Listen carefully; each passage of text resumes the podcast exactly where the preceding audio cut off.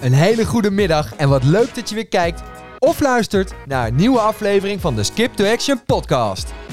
De Nederlandse podcast die op zoek gaat naar de geheimen van ondernemerschap. Waarom blijft de ene ondernemer klein en groeit de andere door? Waar moet je op letten als kleine ondernemer en wat kunnen we leren van de grote spelers? Mijn naam is Skip van der Landen, sparringspartner voor ondernemers. Jouw stok achter de deur, zodat je gefocust te werk gaat. Als je het nog niet gedaan hebt, abonneer je op mijn YouTube-kanaal en volg de podcast in je favoriete podcast-app. Zo ben je altijd op de hoogte wanneer er een nieuwe aflevering is. Zo, Bouke, Ja, zitten we weer. ja, Anderhalf jaar later. Wel bijzonder. ja. Veel gebeurd. Mag ik al meteen eh, ingaan op de intro? Ja, alsjeblieft. Die triggert mij ongelooflijk eh, toen ik samen met uh, Doreen uh, een keer een training gaf in Suriname. Mhm. 75 ondernemers. En dat was voor hun een beetje nieuw, dat we daar met NLP en dat soort dingen bezig waren. En toen zei ik op een gegeven moment, de belangrijkste BV, dat is het gezin, dat is de relatie. En dan begon iedereen ongelooflijk te lachen. Ja. Ja, waar gaat dit over? Nou, toen kwamen we er vrij snel achter dat een BV in Suriname iets anders betekent. Oh. Een buitenvrouw. dus dat was humor. Maar zo word ik ook getriggerd door jouw uh, intro over onderneming. De allerbelangrijkste onderneming, dat ben je Ja. zelf. En dus ik vertaal dat niet meer zo naar buiten van heb je een groot bedrijf, heb je dit. Ik vertaal het, uh, hoe ben je bezig met je eigen onderneming? Zo uh, werd ik een beetje getriggerd. Mooi. Het is ook wel grappig dat je dat zegt. En ik zeg dat natuurlijk in de intro. En ik denk ook dat het ook gaat over... ehm, nadenken over... Ja, je bent natuurlijk wel aan het ondernemen. Maar waarvoor doe je dat dan? Wat, wat is dan de zin van het leven? Nou, jeetje. Even met de deur in huis vallen. Ja, nou, Want daar gaat dit wel over. Ja, nee, vertel me wat. Ja. Eh, als je dan toch bezig bent aan triggeren. We begonnen een paar weken geleden in Veldhoven en Body Leadership. eh, samen met Louis. En Louis was van, nou, wat doel en wat weer en zus en zo. Mhm. En op een gegeven moment zegt hij, Bouke, wil je ook nog wat toevoegen? En ik zit hem aan te kijken. Ik zeg, ja. Ik zeg, volgens mij alles wat je gezegd zal wel kloppen. Maar als je mij zo vraagt, waar gaat deze training om? Dat als je dat nog niet weet, waarom ben je hier op aarde? Zeg, maar misschien is dat nog een beetje te veel voor het goede. En die mensen zitten me aan te kijken. Ja, voor mij is dat eh, al lang geen vraag meer, maar een volkomen feit. Hè, dat we hier uiteindelijk allemaal bezig zijn en aanwezig zijn om iets toe te voegen. En eh, ik weet waarom ik hier op aarde ben. Dat kan ik ook wel meteen benoemen, om eh, vreugde te varen. Dus ik zal ook al heel veel dingen in de lichtheid houden. Als het me serieus wordt, dan haak ik af. Ja. Ik ben hier ook om eh, mijn deskundigheid te delen. Dat is ook de reden dat ik meteen ja zeg tegen jou. Als ik eh, maar weer een paar mensen kan ondersteunen of nou, Ja. het zelf wakker maken als dat nodig is. En ik ben hier om mensen te ondersteunen om wakker te zijn. En wakker worden is in mijn beleving dat je weet waarom je hier op aarde bent. En dan gebruik ik ook heel veel de uitspraak van Nietzsche. Hè, Als je een waarom hebt in het leven is bijna elk hoe te verdragen. Die gebruik ik ook heel veel. Ja. Dus volgens mij is het in mijn beleving, vanuit mijn perspectief, de bedoeling dat je erachter komt waarom je ook hier op aarde bent. En als je dat eenmaal weet, maakt het het leven ongelooflijk makkelijk. Ja, mooi. Ik denk ook wel, inderdaad, als je die why weet of die, die missie. Maar soms heb ik ook wel het idee dat gewoon op een grasveldje liggen met je geliefde, is dat ook niet een bijna de zin van het, van het leven? Nou, dat benadruk ik weer compleet anders. Eh, eh, ik noem dat in aanleiding van de training die ik heel veel gedaan heb met eh Daan van Kampenhout. Die deed de opstelling met shamanistische achtergrond. Zo, ja. En eh, met een glimlach op zijn gezicht zegt hij op een gegeven moment tegen de groep: Goh, wat doe jij nou elke dag voor je spirituele huishouding? Nou, daar bedoelde hij gewoon wat voor hulpbronnen spreek je aan. Maar dat vind ik wel mooi. Oh ja. En eh, in een van mijn boeken heb ik ook een, een kaarsje getekend. Eh, het kaarsje wat staat voor jouw leeftijd. Dus een beetje Oh, mooi. dubbelzinnigheid. Ja, Maar hoe voed je dat kaarsje? En eh, hoe eet je, hoe drink je, wat doe je met je lijf? Nou, met kosmische energie noemt hij dat dan. En ook wat doe je voor je communicatieve, mentale, emotionele, spirituele processen. Dus om je waarom goed naar buiten te kunnen brengen, zal je dus ook goed zijn, bezig moeten zijn met je spirituele huishouding. Nou, dat doe ik. Hè, door bijvoorbeeld elke dag in de zee te zitten. Elke Ja. dag maar ademhalingsoefen doen. En een ander gaat lekker op een grasveldje liggen. Dus jij moet ook voelen. En nou, dat hebben we in de voorbespreking al een beetje over gehad. Wat jouw Ja. lijfje aangeeft. Ja. Wat voor jou versterkend is. Dus ja, dat kan ook op een grasveldje zijn. Ja. Ah, mooi. Mooi bruggetje inderdaad naar het thema van vandaag. Want de vorige keer hebben we het uitgebreid gehad over NLP en alles wat daaromheen is. En ik denk, als je dat tof vindt, dan moet je gewoon even die andere checken. Want vandaag gaan we wat meer focussen op het lijf. Op, hoe kom je nou meer in het lijf? Wat is intuïtie? Jij hebt eh, mij wel eens verteld over een boek van de Nieuwe Aarde. Toen dacht ik, wat een stomme naam. Wat, eh, wie wil daar de nieuwe aarde? Dat klinkt toch nergens na. Maar ja, nu heb ik natuurlijk dat boek gelezen. Helemaal verkocht. Van Eckhart Tolle. En de kracht van het nu. En ik ben eigenlijk al, nou ik denk eh, anderhalf jaar bezig om in mez- mezelf verder te ontwikkelen. Om meer in mijn lijf te zijn. En wat ik veel merk, in, ook met de ondernemers met wie ik samenwerk. En om mij heen is gewoon dat sommige mensen zijn het een beetje kwijt dat het denken, het stemmetje in je hoofd, dat die constant staat te draven. Op, op een tempo dat je eigenlijk bijna je identificeert met het stemmetje, alsof zij de stem zijn in hun hoofd. En ze- dit was voor mij anderhalf jaar geleden echt een openbaring. Dat ik van ja, maar je bent dus niet het stemmetje in je hoofd. Dat vond ik al, dat, dat was mijn eerste inzicht. Maar ja, en dan? Dan heb je natuurlijk het, nou ja, zoals ze in het mooie in dat boek zeggen, hebben we het, het bewustzijn, hebben we het, het, het ego, hebben we de pijnlichamen. En het, ik vind het gewoon ontzettend uitdagend om inderdaad in dat, in dat lijf te komen. Dus vandaar ook dat ik jou wederom heb ingeschakeld als mijn eh, spirituele, spirituele reisleider. Om eh, het ook hier, hier weer eens over te hebben. Nou heb ik ook natuurlijk hier de Embodied Leadership gedaan. Heel veel aan gehad. Heel waardevol geweest. Ehm, en ik wil dat graag toch weer nog verder uitdragen. Ook voor... Ja. eh, Nou, Skip, ik hoor wat je zegt. ja. En ik voel meteen weer woep naar beneden. En eh, zoals je weet gebruik ik heel veel metaforen. En dan komt er een boem één omhoog. De periode dat Marco van Basten hier ook is geweest. Eh, die is tijdelijk bij het Nederlands elftal coach geweest. Mhm. Eh, toen hoorde ik dat daar een fysiotherapeut was die deed Ayurvedische kruiden bij die spelers. En die werkte met het ja-nee signaal. En toen zat ik bij de hockey met Henk Kraaienhof. Dat is een, een nerd op het gebied van atletiek. Mhm. En toen vertelde ik dat. Ik zeg ja, normaal moeten we eerst optellen en aftrekken. En hij was aan het worteltrekken. Toen zegt hij nee, hij was al een differentiaal rekenen. En dat vond ik zo'n prachtige metafoor. En dat vind ik ook met jouw vraag. Alles begint met een bewustwording. Ja. Als mensen niet snappen, eh, hè, wat, wat in het mo- mooie boek staat van Ab Dijksterhuis, het slim onbewuste.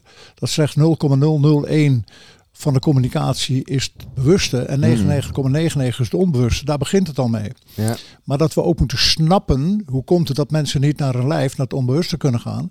Dat heeft heel veel te maken met wat er in ons leven gebeurt met emoties die niet functioneel zijn. Angst, angst, angst, angst, schaamte, boosheid. Nou, je wilt het weten, schuld. Ja.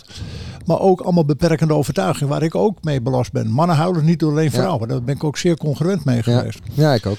Dus in mijn beleving begint het veel meer eh, dat mensen snappen van hoe het zit. En wat ik wel heel mooi vind, een van mijn collega's heeft ooit gezegd: mensen gaan naar het hoofdkwartier, vandaar is het veilig. En dus er gebeurt zoveel in de Ja. jeugd dat we naar ons hoofd toe gaan. Eh, Dat kan zijn door gebeurtenissen, maar dat kan ook zijn door allemaal overtuigingen en emoties die we op ons pad meekomen. En ik ben ook steeds wat meer nederig geworden naar het proces van mensen. Omdat ik ook zo vaak uitleg. Ik ben eerst twintig jaar zo'n beetje fysiotherapeut geweest om naar het lijf van een ander te gaan. Toestemming gaan naar mijn eigen lijf. Ik denk, shit, dat had wel wat sneller gekund. Eh, dus het is ook een heel proces. Ja. Maar mensen moeten het ook in eerste instantie snappen. Ja. Eh, Dus ik zal niet meteen gaan zeggen, joh, lees Nieuw Aarde, lees dat. Dat is ook pas veel later op mijn Ja. pad gekomen.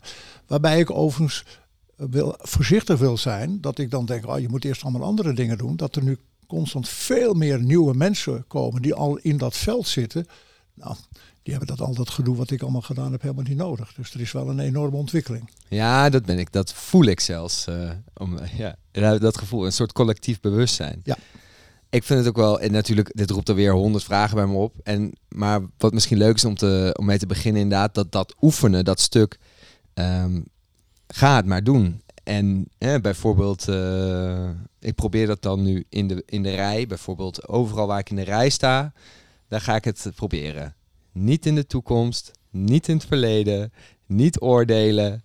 En blijf maar staan. En je zult zien dat je dus binnen drie seconden zit je weer met, eh, op het kantoor met, eh, oh, ik moet nog dit. Nee. eh.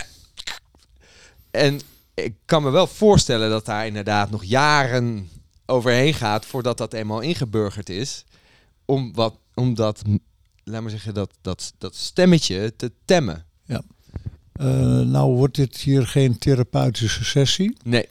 Maar stel dat je me toestemming geeft over datgene wat je nu vertelt. Mhm. En daar hoef je geen ja-nee op te zeggen. Voel ik dat je nog niet helemaal zonder oordeel veroordeel bent naar jezelf. Dat je dat nog zoveel hebt. En daar begint het dus mee. Als wij elke keer kunnen aangeven, ja, ja, dit is er. Eh, ik heb weer een mooie metafoor, althans dat vind ik. Dat eh Doreen, mijn vrouw, Mhm. die een fantastisch eh, expert is geweest in eh, pittig anorexia bulimia, tot in Mhm. het, eh, naar het verste toe. Die vertelt mij een half jaar geleden van, goh Bouke, ik heb drie basilicumplantjes weggegooid. Ja, oké, dat is mooi, dat had ik ook kunnen doen. Maar ik snapte heel goed wat ze bedoelde. Want dat past natuurlijk helemaal niet in het beeld wat zij vroeger heeft meegemaakt. Het eten en dit en zo en zo. En vanaf dat moment dat ze dat gedaan heeft, is er nog meer gebeurd. En dat geef ik ook mensen mee. hè, Dat je ook iemand mag zijn die bij de kassa staat en denkt, oh, ik ben weer even wet met mijn gedachten. Ja. Ach, ik ben ook iemand die toch weer even, dat je constant insluit. hè. Dus Ja. dat je elke jaar zegt, nou, oké, ik ben ook nog iemand die even toch weer niet toepast wat ik misschien uit Eckhart, boek, Eckhart Ja. Tolle boek heb gelezen. Steeds maar insluiten, insluiten, insluiten, insluiten. Ja. Ja, mooi dat je dat zegt. Je slaat ook weer de spijker op zijn kop. Want dat is natuurlijk ook niet een goed of een fout. Dat is, eh, dat is totaal eh, subjectief. Maar wel heel mooi. Ja. Wat betekent Eckhart Tolle voor jou? Ja, het is nu ongeveer 16, 17 jaar geleden dat ik Nieuwe Aarde las. En eh, nou, ik denk dat ik de meeste bladzijden nog twee keer, drie keer moest lezen. Dan snapte ik nog niet. Mhm. Als ik daar nu terugdenk, daar is iets getriggerd van ja, maar dit is het, dit is het, dit is het, dit is het. En toen had ik al de kracht van het nu gelezen, maar dat was ook compleet aan me voorbij gegaan. En van dat moment, ook eigenlijk daar wat later, ben ik ook in eh, contact gekomen met andere boeken die daar steeds over gingen. En wat ik toen nog niet in de gaten had, maar wat ik nu heel expliciet kan benoemen, en dan gaan we weer naar de bewustwording Mhm. Dat hij toen al praatte over het nieuwe veld en het oude veld. Eh, sommige mensen noemen derde, vijfde mensen, anderen polariteitsdenken, anderen noemen het eenheidsbewustzijn, weet ik veel. Mhm. En eh, zeg maar een jaar of zes, zeven geleden las ik de boeken van eh, Steve Roter, Herinneren, Welkom thuis, De groeten van thuis, Nu ben ik God, wat nu en de levenslessen. En dat heeft me steeds meer duidelijker gebracht. En dat is een perspectief. En zo Mhm. kan ik ook niet meer anders naar mezelf en andere mensen kijken Ja. Dat er zijn mensen die zeggen, ja, je komt hier op de wereld en eh, als je 50, 60, 70, 80 bent, weet ik veel, dan ga je de pijp en het is gebeurd. Maar dat geloof ik al heel lang niet meer. Ook met mijn eigen ervaring met Suriname en mijn fysieke klachten die ik heb gehad. Dat ik er steeds meer vanuit ga, zo mensen het ook beschrijven, we zijn spirituele wezens die hier levenslessen komen leren. En wat ik nu nog steeds meer begrijp, dat jij hier komt om levenslessen te leren. En als jij dat niet aangaat en er geen meesterschap voor krijgt, zorgt het universum wel dat het weer op je pad komt hoor. Dat komt echt op je pad, komt echt op je pad. Ja, komt er terug. En ja. hoe ik dat naar het dagelijks leven vertaal, hè, want daar kan je natuurlijk allemaal fantastische verhalen over geven, zoals hij dat in dat boek doet en andere Ja. boeken. Dat we gaan leren, en ik heb vandaag weer een mooi voorbeeld gezien, dat we altijd open en transparant zijn. Dat alles mag zijn. Dat we dus bereid zijn feedback te geven, maar ook te ontvangen. En dat we echt onze verantwoordelijkheid nemen. En eh, dat je die bereidheid hebt, want dat is niet altijd even makkelijk. En wat Mhm. zien we dan in dat nieuwe veld? Er zullen straks geen geheimen meer zijn. Nou, sla vandaag de krant op. En allemaal houten methoden tot Poetin en eh, meneer Hoekstra en wat dan ook. Alles gaat bovenkomen. En dat kan dus niet meer. In het nieuwe veld kan dat dus niet meer. En wat ik toen bij hem heb gelezen, heb ik dat gevoeld. Ik kon het niet benoemen. En, en, maar dat heeft, die boeken hebben mij enorm geïnspireerd. En dan om even af te sluiten met ook in een van zijn boekjes, wat ik veel noem, De Stilte Spreekt. de transformatie van het menselijk bewustzijn is zogezegd niet de luxe weggelegd voor een aantal van ons, maar harde noodzaak voor ons allemaal. Willen wij de wereld niet vernietigen? En dat zie je nu met corona. En wat zegt Ja. hij ook? Het gek is, het wordt er slechter op en beter op. En dat is enorm, die polariteit. En het slechte, hè, zeg maar dat oude energie, dat maakt heel veel lawaai. Nou, en mijn lieve vrouw Doreen zegt wel Bouke, je hebt een beetje meegenomen van de oude energie, dat lawaai. Dat maak ik nu een nieuwe veld. En ik heb ook het idee dat ik dat heb te doen. Ja. En hoe doe je dat dan? Eh, door me steeds meer te beseffen dat ik naast dat ik een pionier ben, ook een initiator. Eh, nou, als je daar al een voorbeeld van wilt weten, dat is net wat ik je liet zien op Facebook, wat ik gisteren of eergisteren heb geschreven. En ik ga nu eh, onder het, een rubriek liefdevol rebelleren. Met altijd insluiten ook van de andere kant. Mhm. Althans, dat, dat doe ik zoveel mogelijk mijn best. Om te laten zien, mensen, dit kan dus niet meer. Dus nog meer wat ik al met training doe, wat ik met instituut doe, wat ik met lezingen doe, eh, wat ik met schrijven doe. En nog meer nou, in de bewustwording. En het compleet daar laten of mensen er wel of niets mee willen. Dat, dat kan ik tegenwoordig heel goed loslaten. Ja. Dat, zit, dat is ook weer dat oordeel, veroordeel Exact. stuk, hè? Ja. Exact. Ja, mooi hè. Want daar, ik denk dat daar, daar, zit, daar is heel veel te halen. En mooi ook dat je dat doet. Want jij kreeg ook heel veel, eh, heel veel reacties op. Ik, eh? Dat was, ik was eh, verbaasd. Ik ja. heb me zondagmorgen erop gezet. Nou, op, eh, op, nou, weet ik veel, op Facebook. Ik, ik, hoeveel mensen al gewoon met opmerkingen maken. En in principe ook allemaal van steunend. Ja. En er was ook één die zegt, ja, goh, Bouke, moet je daar social media voor gebeuren? En de ondernemers zijn er ook dupe voor. Ik zeg, nou, daar wil ik het dan net niet over hebben, want dat is een gevolg. Dat, daar gaat het niet over. Ja. En er was ook iemand hè, die dacht een beetje humor op LinkedIn, waar ik geloof ik al meer dan 50.000 weergaven heb in een paar dagen. Er zegt iemand, Bouke, wat was je score? Ik, zeg ik, en dat is nou precies waar ik het niet over ga hebben, want dat is afleiding. En daar zijn we al zoveel mee bezig. En dat gaf hij zelf ook met een knipoog toe. Ja. En dus Ja, want dat vind ik ook, dat is een heel mooi bruggetje naar die afleiding inderdaad. Want ik denk dat dat wij mensen, hè, zonder dat oordelend is toch wel, ja, ga je automatisch ook wel weer oordelen, merk ik. Ehm, maar dat is ook iets wat ik heel veel zie, om maar niet te voelen. Exact. Kan je heel makkelijk afleiding zoeken door bijvoorbeeld overmatig computerspelletjes spelen of eh, Netflixen of eh, nou ja, drugs of seks. Dat soort ehm, manieren om maar niet te voelen. Eh, maar ja, daar gaat het natuurlijk nooit beter van worden. Want dat, dat zit in het lijf en dat moet, je moet daar iets mee. Ja, eh, nou, pas op met wat je zegt. Want er zijn natuurlijk ook mensen die denken, bepaal ik zelf wel. Ja, En dat is ook een keuze. Ja. Het is altijd een keuze. ja, Hoe ik daar in het grote perspectief naar kijk, eh, dan ga ik helemaal terug ook. eh, wat ik nu samen met Doreen heb ervaren met de opvoeding van onze zoon. mhm, Dat we dachten, jeetje man, het oude schoolonderwijs, dat kan toch niet meer waar zijn. Je moet dit, je moet zus, moet zo. Vanuit dat principe zijn we ook een eigen school gaan oprichten, kleurorkest.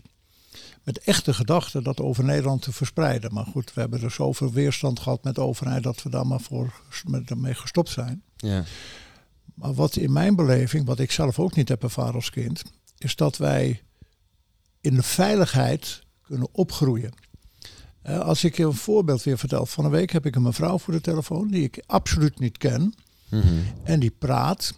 En binnen twee minuten zeg ik, goh, het klinkt misschien een beetje gek, hè, want je wilt een intakegesprek hebben. Maar ik kan je nu al het nodige over je vertellen. En toen zegt ze, goh, hoe bedoel je? Ik zeg, nou, is het oké dat ik wat zeg? Ja, ik zeg, ik hoor, ze was rond de 50, dat je in jeugd niet de veiligheid hebt gehad. Want je praat op een manier, wat wij dan noemen een second level label. Je bent heel ver weg van ervaring. En ze is stil en ze zegt, jeetje Mina, dat je dat hoort. Ik zeg, ja, dat hoor ik. Nou, en dat is bij heel veel mensen zo, dat ze zo al in de jeugd geen Mhm. veiligheid hebben gehad. En dus dan gaan we compenseren. En, en als, we, als we dan toch over een boek hebben, eh, Ja. dat is zeer confronterend, dat is van Gaber Maté, als het lichaam nee zegt. Maar die heeft ook heel veel onderzoek gedaan. Hij heeft ook de, de film in Utro, Oh ja. volgens mij ook de film van de, eh, Traumas Are a Gift. Nee, dat is een kreet die wij vaak gebruiken, de, de Wisdom of Traumas. Oh ja. En hij gaat, ja, ik, ik weet niet of mensen het leuk vinden wat ik zeg, maar het staat in het boek, dus ik kan er me achter verschuilen. Ja. Of je nou praat over dementie, Alzheimer, je praat over ALS, Parkinson, MS, heel veel, alle vormen van kanker, wat dan ook. Mhm. Ergens is er al heel ver het lichaam nee. En hij beschrijft ook in het boek over een man die op een gegeven moment soop en eh, rookte bij het leven. En wanneer is hij gestopt een keer met, met, met drinken? Dat hij op een gegeven moment morgens wakker werd, laveloos thuis was gekomen en met de tong vastgeplakt was aan het tapijt. Nou, dat was voor hem de druppel die de emmer deed overlopen. Ja. Maar diezelfde man die vertelt ook dat hij al 347 keer gestopt is met roken, maar 348 keer is begonnen. Nou, zo kijken we, zijn zo getraumatiseerd. Eh, Eckhart Tolle noemt, we hebben zoveel pijnlichamen, Ja. dat we dus niet meer kunnen luisteren. Maar in diepe, ik ben ervan overtuigd dat we diep van binnen dat niet willen. Nou, en dat is ook de reden dat er in mijn beleving nu zoveel mensen opstaan om aan hun eigen proces te werken. Ja. Eh, dus eh, volgens mij is het geen, geen het, ja, eh, laat ik het mooi zeggen, ik ga maar weer naar het boek van eh, Eva, Eda, Eva Eger, Eger, Eger. Mhm. Die het boek heeft geschreven De Keuze. Die heeft vijf jaar in een concentratiekamp gezeten. Nou ja. Die heel mooi zegt, we zijn allemaal slachtoffer van situaties. Dat kan hè, opvoeding, ouders die er niet waren of wel waren. Of nou, noem maar op. Mhm. Geweld, misbruik, noem de hele bende maar op. Maar slachtoffers zijn is optioneel. Nou, en dat is dat wij veel meer onze eigen verantwoordelijkheid te nemen. En niet naar papa en mama en de hele Brikse boel wijzen, maar naar onszelf. Mooi. Dominee Boer, amen. Amen. Het is mooi. Ik, ik- het is nou ook echt grappig. eh, in de vorige, die, ik weet nu ook, ik heb een soort van referentie van de vorige podcast. Toevallig heb ik een stukje gehoord. Daar heb je dit, dit ook eh, gezegd. Dus mooi ook dat dat nu eigenlijk nog steeds eigenlijk is waar jij achter staat. Want die pijnlichamen, dat vind ik ook zo, zo ontzettend interessant. Want als je dan eenmaal bewust bent, ik vind het altijd leuk. Ik geef altijd voorbeelden van mezelf. Dan aan het ene moment dan, ehm, dan heb je dat gelezen. Nou ja, en dan komt mijn vriendinnetje en die, die zegt iets en die. Nou ja, ik kan er niet zo goed tegen als je mijn identiteit, eh, eh, als, ik niet, als ik niet mezelf mag zijn. Nou, als iemand in mijn omgeving mij ehm, pakt op mijn identiteit, dan raak je die pijnlichaam, pam. En dan, ga, dan sta ik ook niet meer in voor mezelf. Eigenlijk ga ik jou dan gewoon pijn doen, weet je wel. Gewoon een, een, en dan niet slaan of zo, maar gewoon proberen uit te halen. Terwijl als ik daar normaal, zal ik dat nooit zoiets zeggen. Alleen dan ga ik gewoon, omdat ik dan getriggerd ben of zo, met dat pijnlichaam. Ja, en als je dan eenmaal bewust bent, dat is dan wel de kracht. En als je dan merkt dat je het, oh, hier zit een trigger. Ja, skip. Eh, het volgende. Een wens zou voor mij zijn. Die zijn even iets toegankelijker dan de boeken van eh Eckhart Tolle. Dat mensen de boeken gaan lezen van Jerry Soukov. En eh, die heeft natuurlijk sowieso al de zetel van de ziel. Mhm. Maar die heeft ook nu het verhaal van de ziel. Maar wat een heel mooi boek is, dat is Spirituele Partners. En daar legt hij ook uit eh, dat heel veel mensen zitten nog in de vijf zintuigelijke waarneming. Ze zien, ruiken, proeven en dat, dat is de informatie. Mhm. Maar dat is niet zo. We hebben multisintuigelijke waarneming. Er gebeurt zoveel. En als we dat gaan begrijpen, en hij beschrijft ook heel mooi in het boek, dat we nog meer moeten realiseren, als jij geïrriteerd bent, of jij bent boos, of jij wat dan ook, dat het altijd iets over jou zegt. Mhm. En ik vertel tegenwoordig ook, daar ga ik weer met een voorbeeld. Ik heb een mevrouw in mijn jaartraining, blok 4. En die was, laat ik het netjes zeggen, pissig op Bouke. Want had dat gezegd, en zus gezegd en zo gezegd. En ik kreeg een mailman, dat wil je niet weten. Nou, zullen we schat, ik denk dat het handig is elkaar fysiek te ontmoeten. Mhm.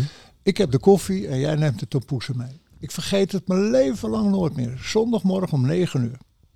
Ze komt binnen en zegt zo, Bouke, ik heb een boekje gelezen over holistische communicatie. En daar staat in dat elke irritatie, elke boosheid, elke angst altijd iets over jou zegt.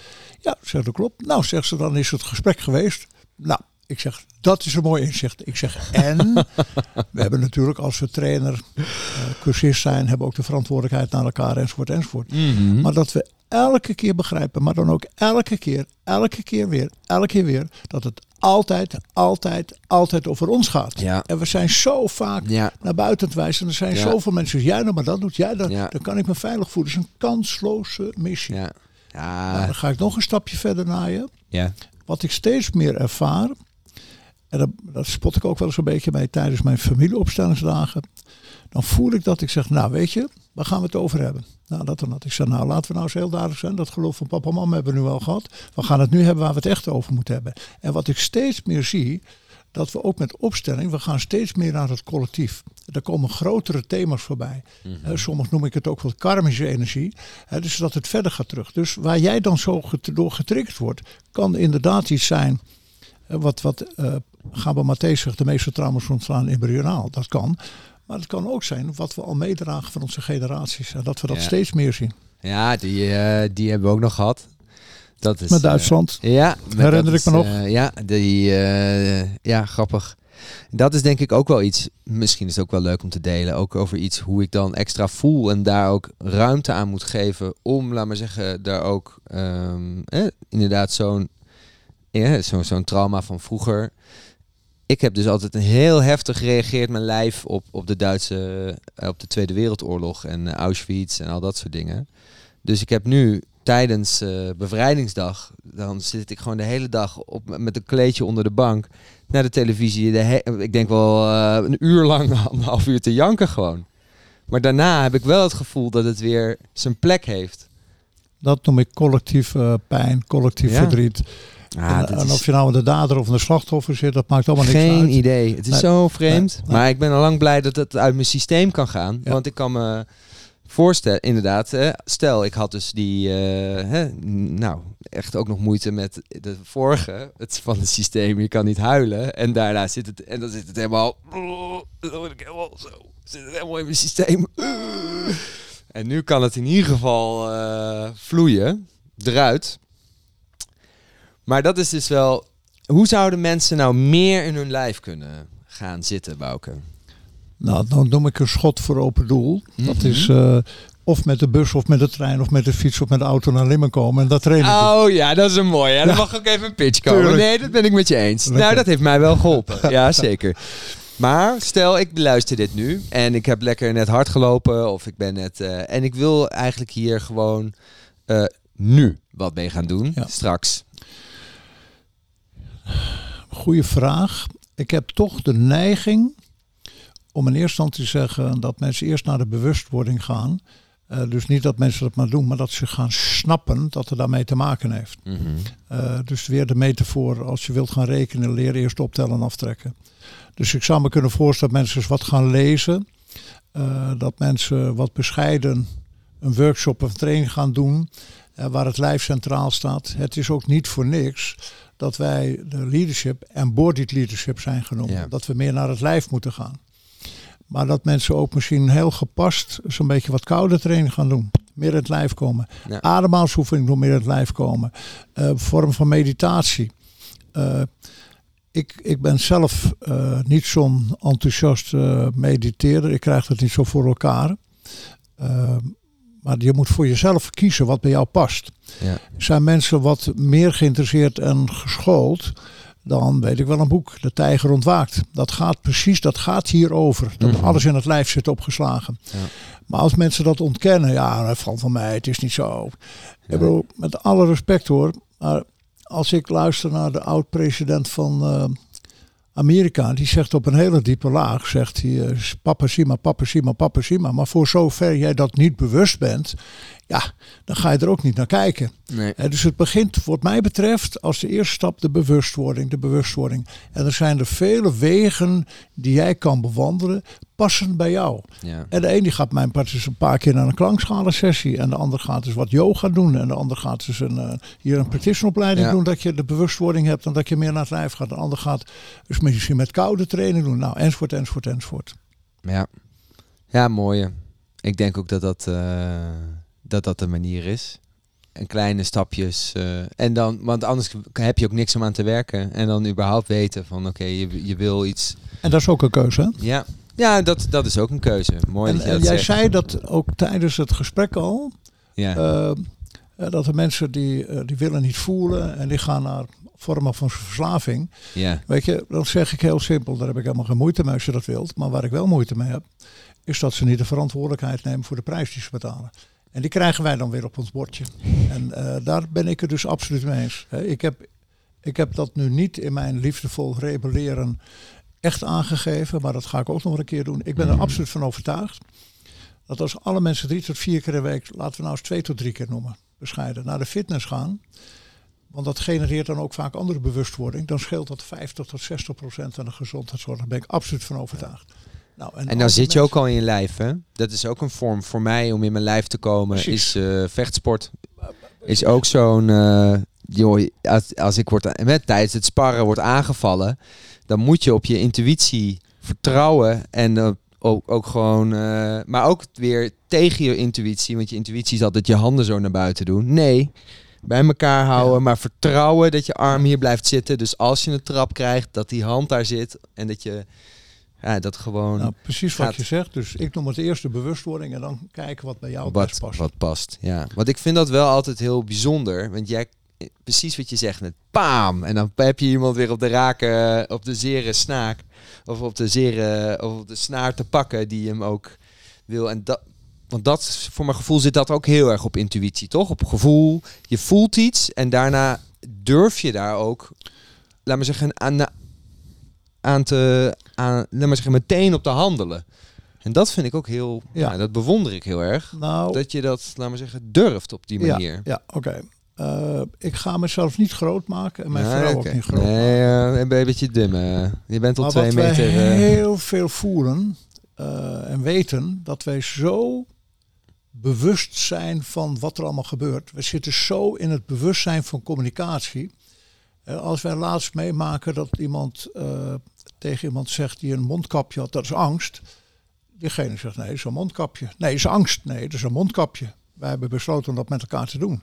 En iemand die toch al aardig getraind is, heeft dus niet in de gaten wat wij dan met Milton-modelpatroon en complexe equivalentie noemen, dat wat beperkend is. ja.